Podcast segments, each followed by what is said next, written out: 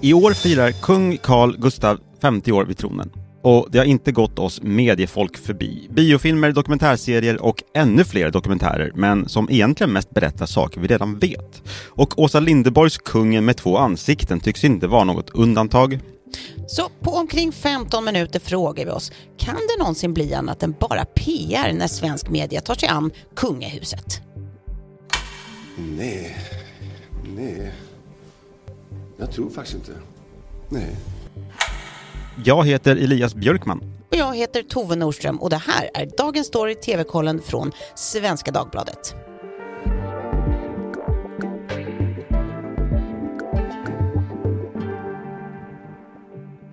Ja, idag ska jag eh, tipsa er om en riktigt dålig film eh, som jag tycker att ni ska se. Visste du det Elias? Nej, men spännande. Ja, kommer det bli Michelle Blassan. Kul va? Men då kan jag smasha tillbaka med att jag kommer tipsa om en riktigt originell och mycket sevärd komediserie. Men det blir senare. Ah, ja. Eh, kul, då har vi något att se fram emot. Men först så ska ju vi prata om mediers granskning av kungahus med utgångspunkt i Åsa Linderborgs nya dokumentär om kung Carl Gustaf XVI. Inte ett himla tjabbel just nu eh, om kungen. Jo, men det är väl för att alla vill casha in på att han har nu suttit 50 år vid tronen. Det var 1973, som Mm. vi minns, som Mm. han svors in. Så att alla vill liksom bli hovreportrar. Till och med Åsa Linderborg, Exakt. som kanske inte vi ser som en liksom, skvallerjournalist på det sättet. Nej. Traditionsenligt så har vi fått både SVTs och TV4s kungafamiljs dokumentärer i julas. Mm. Vi fick också då en hel dokumentär om enbart prinsessan Birgitta, Mm. alltså en av kungens fyra stora systrar. Just det, det är väl hon som bor på Mallis va? Precis, den finns på SVT Play. Mm. Dessutom fick vi också här i januari, i början på januari, två, en tvådelad dokumentärserie som heter Sveriges sista kungar, Mm, det. som det ju blev lite rabalder kring. Mm. För att kungen, han går fortfarande och grämer sig för det här med Carl Philip inte fick bli kung. När successionsordningen ändrades. Han orkar liksom inte längre dölja sin uppenbara irritation med att man gjorde en grundlagsändring. Mm. Som ju då flera har påpekat att det här var ju ett demokratiskt fattat beslut. Men det tyckte han inte om. Kungen. Nej, han, han är inte alltid progressiv, det kan man inte påstå. Men också den 24 februari kommer Karin av Klintbergs Kungen på bio. Klintberg har, till skillnad mot eh, Lindeborg, faktiskt fått träffa kungen. Hon Eh. hör det rätt från hästens mun, Ja. så att säga. För Lindeborgs istället då, den består ju, den är väldigt grundläggande, den består eh, en blandning av talking heads, arkivklipp och ännu fler talking heads. Många tillför mycket lite skulle jag säga. Så här kan det låta. Hans almanacka är väldigt fulltecknad. Det kanske inte säger jättemycket om vem kungen är eller någonting överhuvudtaget, att hans almanacka är full, fulltecknad. Sen blir jag inte heller riktigt klok på varför Liv Strömquist till exempel, eller Peter Magnusson är med i dokumentären som alltså heter Kungen med två ansikten och som finns på Discovery+. Så hur har den då mottagits av kritiker kan man undra. Ja, men eh, medan Aftonbladet försvarar sin profil såklart så tycker ju DN i princip att den är slapp.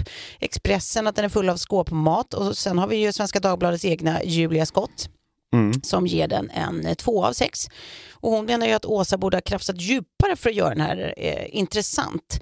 Och grejen är att jag kan tänka att hon satte huvudet på spiken här för Lindeborg hon lyfter ju en hel del saker som skulle kunna utgöra en, en intressant granskning eller um, i alla fall ett fördjupande av kunskaper vi redan har. Men hon släpper ju allting sen. Alltså det, det är som att hon lyfter frågor och sen så låter hon dem sväva i, i, i rymden. Liksom. Mm.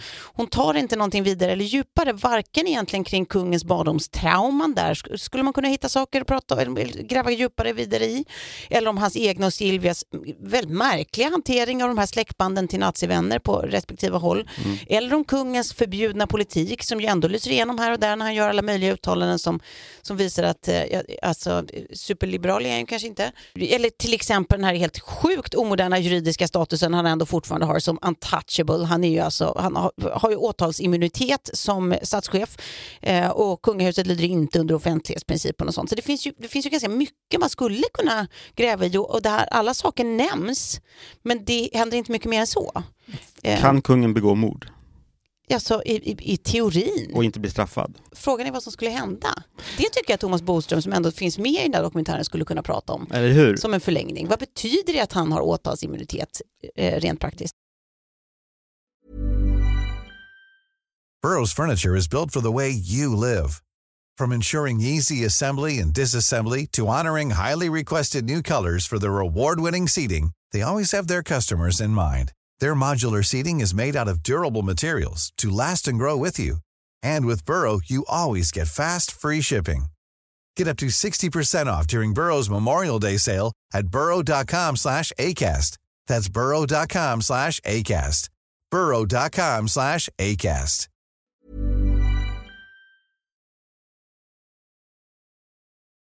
Side note också, jag, jag hade i alla fall kunnat tycka, om man nu pratar vad som hade kunnat vara, det hade kunnat vara intressant också att prata mer om egentligen vår egna attityd till kungen. Alltså att det inte bara utgår från saker han gör, utan jag bara eh, eh, eh, tänker på att vi både älskar kungen som mest när han är mycket människa och så hatar vi honom som mest när han är mycket människa. Han ska ju, det är som att han ska ju bara vara människans fina saker. Han ska vara varm och medkännande och personlig som när han då talar till folket efter Estonia-katastrofen. Då gick ju hans popularitets, alltså alla popularitetsmätningar gick i taket. Men han får ju inte vara människans sämre sidor. Alltså han får inte festa för mycket eller hänga med kvinnor som inte är Silvia och sånt där. Och det kanske är helt rimliga förväntningar att ha på ett avlönat ämbete som, som statschef. Men på en människa, är det verkligen rimligt? Det skulle kunna bli väldigt eh, intressanta snack. Mm. I ärlighetens namn så gör ju Åsa Linderborg med en redovisning av jobb jobb andra redan har gjort på något sätt av, befintlig dokumentation. Det kan ju göra det lite extra bekant att hon tre minuter in i avsnitt ett ändå säger det här är min historia. Ja, Åsa, men är det verkligen det? Då kände jag så här, nu vill jag stänga av det här. Jag vill inte Ja, man hajade till, visst gjorde man? Ja, man hajade verkligen till. Ja. ja, jag är inte superintresserad av din historia om hur du uppfattar kungen. Alltså Åsa Linderborg mm. är ju en fantastisk författare, mm. absolut. Jag mm. skulle kunna vara det, men här kändes det bara som ett tillgjort sätt att väva in sig själv i dokumentärer, vilket ja. ju är ett otyg. Just det. För det är hon ju inte ensam om. Det är hon ju verkligen inte ensam om. Uh, en annan sak jag tänkte på med den här dokumentären är att titta folk på detta sätt på TV med reklamavbrott. Det var otroligt enerverande. Varje avbrott så klipper man för visa vad som ska komma härnäst mm. och man får höra de här uh, olika ljudklippen igen om att almanackan är så fulltecknad. Jag har hakat upp mig på det här men jag tycker att det är så otroligt meningslöst sägning. Hans almanacka är väldigt fulltecknad det är väldigt många som, som eh, skildrar i olika typer av innehåll kungahuset just nu. Men man pratar också om att svensk media är ganska mesiga i sina skildringar för, för mycket hävdar ju på något sätt att det ska vara granskningar av kungahuset. Och, och där menar man ju då att eh, det gör svensk media ganska mesigt. Eh, och ska man se på det relativt så framstår ju egentligen svensk press som hemskt mild jämfört med typ brittisk. Och av det innehåll vi ser komma nu att döma så kanske det faktiskt stämmer, vilket ju är speciellt för makt ska såklart granskas. Det är ju liksom en förutsättning för demokrati som system. Och även om kungahuset inte har direkt inflytande över politiken så är de ju onekligen opinionsbilder. Det går ju inte att hävda något annat. Men samtidigt är det ju på ett mellanmänskligt plan en, en outhärdlig förutsättning för någon egentligen att liksom pågå. Att tvingas göra det under lupp och strikta restriktioner och, och lite grann är det som att vi känner in det här både som folk och media på något vis. Att det känns lite skamligt eller pinigt att vara så up in someone's business som till exempel brittisk press kan vara. Det är som att det känns oanständigt att göra våld på det här historiska kontraktet mellan medier och kungahus. Att vi finns till för er, vi respekterar er och vi visar det ni vill visa upp. Eller är det inte liksom, det är en del av det tror du? Jo, jag, jag känner att jag sen i höstas med olika The Crown och, och mm. eh, Harry och eh, Meghan och de här har fått en liten, kanske lite ny förståelse för de här stackars, stackars eh, kungarna och drottningarna och prinsessorna. Eh, nej men eh, sättet som brittisk press det går liksom inte att jämföra verkligen Nej. hur det, de går fram jämfört med svensk press. Sen tycker jag man ska skilja på... Precis vad jag skulle säga, distinktionen mellan riktig press och eh, skvaller, tabloid. Ja, och liksom riktiga granskningar och, yeah. och sånt som bara är så här, man drar upp någon rubrik på något helt felaktigt eller vad det nu kan vara.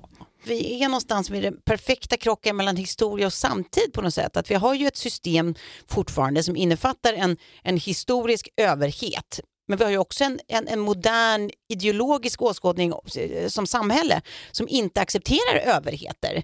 Eh, så det är ju liksom ett oxymoron i sig att kungahus är ju i sig en för gammal institution som bygger på för gamla grundvalar för att det ska hitta någon slags legitimitet i, i vårt moderna samhälle. Men vi envisas ju ändå, kanske mest av emotionella och nostalgiska skäl, att vi ska ha ett sådant system men utan att acceptera att det alltid kommer vara motsägelsefullt. Alltså det är som att vi inte kan ta in att ska vi ha det så här fast vi tänker så här så kommer det också alltid att vara en krock så länge vi inte ser över liksom uppdateringar eller modernis moderniseringar av system. Förstår vad jag menar? Vad- Hängde du med på det här snurret?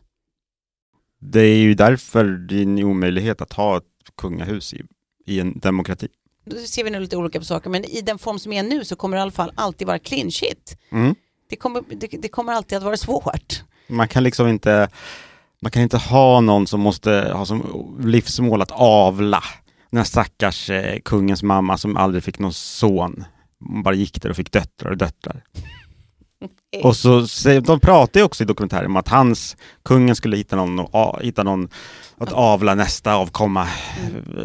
Och hon, Silvia var inte kunglig, men det var ju också väldigt progressivt att hon Man valde en kvinna av folket. folket. Även om folket i det här fallet absolut var någon slags so- societet.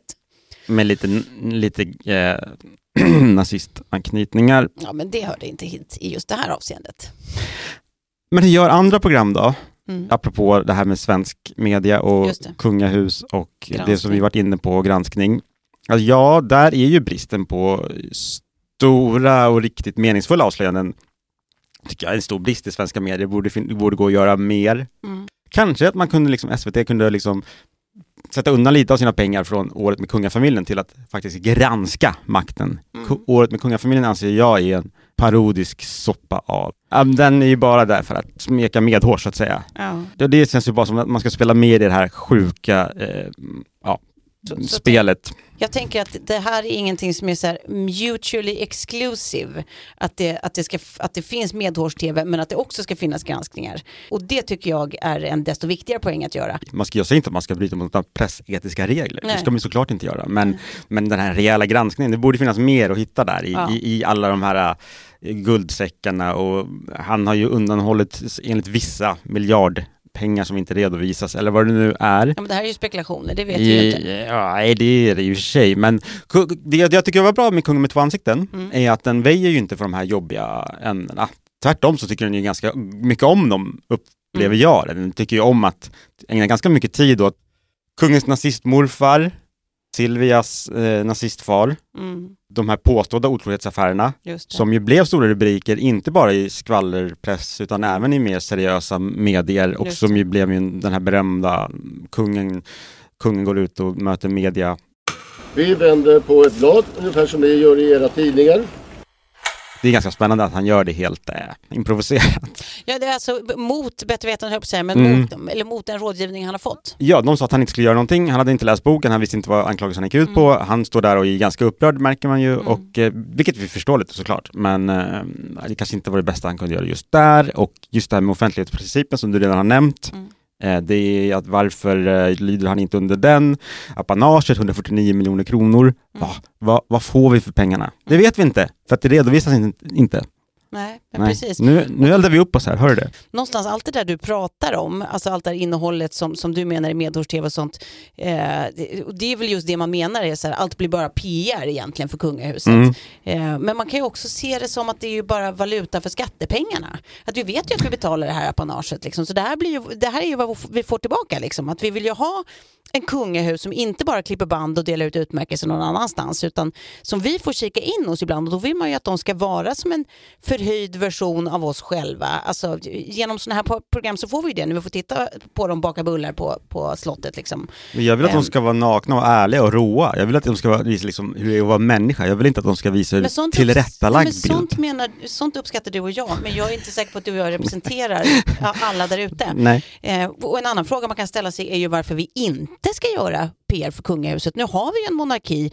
Det är klart att man vill att en institution vi betalar för ska vara omtyckt och folklig. Ehm, och att det ska synas att de faktiskt gör en insats, ett arbete för Sverige och svenska folket. Alla andra institutioner använder ju media för, för, för egen PR, som våra politiska partier till exempel. Varför skulle inte slottet göra det? Liksom? Sen, är, sen är frågan kanske om det finns en tillräcklig balans som jag var inne på förut hos media där man inte bara springer hovets ärenden och indirekt gör PR för dem utan att man också kan granska dess verksamhet. Så i mitt huvud är det ju inte en fråga om antingen eller utan egentligen både och. Då tycker jag så här, då- om jag ska få valuta då vill jag ha liksom så här Big Brother 24 timmar om dygnet.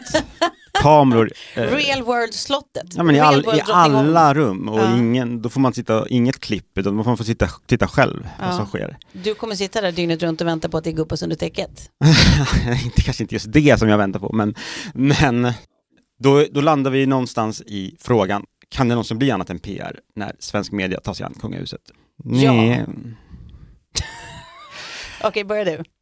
Ja, men jag vill bara citera Jan Scherman som är i dokumentären. Han säger att Om jag är snäll så skulle jag kunna säga att svenska media när det gäller kungahuset, svenska medier sköter granskningsuppdraget och då är jag snäll på ett uruselt sätt. det är lite hårt. Det är lite hårt. Men han blev ju själv utsatt. Han var ju på TV4 då, VD, Mm. när Kalla fakta sände det här um, granskningen av Silvias eh, kopplingar, familjen där, till nazism. Mm. Och hon själv skrev ett brev till, till Jan Scherman, Mm. drottningen, där hon var ledsen tydligen. Det här brevet finns ju att läsa. Det tycker jag är häpnadsväckande. Förlåt, Jan Scherman här pratar ju i presens. Just nu är media inte bra på att göra, alltså vi Ja. är urusla på, Ja, media, på bevakning. Det säger Jo. ingenting om vad som är möjligt framåt. Nej, Så nej, det är därför nej. jag säger ja. Det är klart att det går. Alltså, om det hittills har varit så i någon större utsträckning, det kanske är en annan fråga, men antingen ren sensationalism eller liksom någon slags mysplågar julbox-tv är ju inte de enda alternativen. Eh, och i, I de här oceanerna av utrymme däremellan så ligger ju en himla massa möjligheter till förändring framåt. Eh, så det är fullt möjligt. Vi kanske inte lyckats hittills, men vi kanske gör det. Då vill jag se det. Då vill jag se, Ja, det kräver du. banne mig. Ja, nu, nu sätter du ner din lilla fot. Mm. Eller den är eh, helt normal stor. eh, och då är frågan, kanske att det är intressant att slänga in här var vi själva står om man inte har utrönt det i frågan om monarkins vara eller icke vara. En vild gissning, Elias, det är att du inte är royalist. Även om jag eh, kanske lutar åt eh, republikanska hållet så en majoritet av svenskarna tycker ju om kungen Ja. och kungahuset. Har vi någon siffra på det? Jo, men eh, senast jag såg så var det 71 procent av svenskarna Ja. anser att svenska kungahuset eh, är en bra representant för Sverige. Det här var enligt TV4 Novus från januari i år. Eh, Majoriteten tycker som jag med andra ord. Ja. Kul. Men nu har vi kommit fram till binge eller blä. Ja, tänk att det händer igen varje vecka. Helt sjukt. Jag har en binge-tips. Det är This Fool på Disney+. Det är en uppiggande amerikansk komediserie. Det handlar om Julio Lopez som han bor fortfarande hemma med sin mamma och mormor. Han jobbar på en organisation som heter Hugs Not Thugs. Alltså, den återanpassar gängkriminella till samhället. Eh, Det här är väldigt kul, det är originellt, det är lite skevt, det är en egen ton och eh, enligt uppgift väldigt autentiskt. Jag vet inte hur det är att, att vara gängkriminell i Los Angeles, men enligt tidningar som Ja. verkar Du har där. framtiden för dig Elias, fingers crossed. eh, men vet du, jag ska också bingea. Eh, Ja. Jag ska prata om filmen eh, True Spirit på Netflix och då var det ju jag som ska göra något så märkligt som att tipsa om en dålig film. Inte bara för att jag inte vill vara ensam om att ha lagt 160 goda minuter på dåligt innehåll utan också för att den här historien som filmen bygger på är en himla bra historia att visa sina små formbara barn. Jag tänker på våra tioåringar eller nio tioåringar. Det är alltså en eh, eh, biopic om den då 16-åriga Jessica Watson eh, som 2010 seglade ensam runt hela jorden på 209 dagar för att hon hade bestämt sig för det. Det drivet tycker jag att våra skärmbarn kan behöva utsättas för. Så binge, Så då kommer du stå där och vinka av dottern. nej inte mitt barn, någon Nej. annans. Ready to pop the question? The jewelers at BlueNile.com have got sparkle down to a science with beautiful lab grown diamonds worthy of your most brilliant moments. Their lab grown diamonds are independently graded and guaranteed identical to natural diamonds, and they're ready to ship to your door. Go to BlueNile.com and use promo code LISTEN to get $50 off your purchase of $500 or more. That's code LISTEN at BlueNile.com for $50 off. BlueNile.com code LISTEN.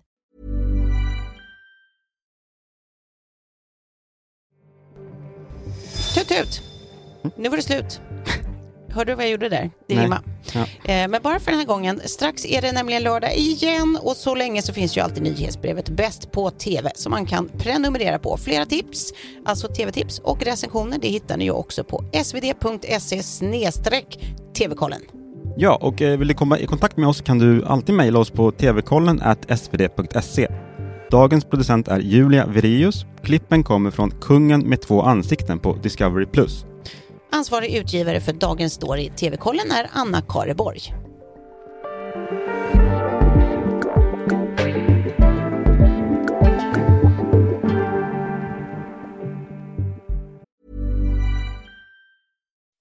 When you make decisions for your company, you look for the no-brainers. If you have a lot of mailing to do, stamps.com is the ultimate no-brainer. Use the stamps.com mobile app to mail everything you need to keep your business running with up to 89% off USPS and UPS. Make the same no-brainer decision as over 1 million other businesses with stamps.com. Use code PROGRAM for a special offer. That's stamps.com, code PROGRAM.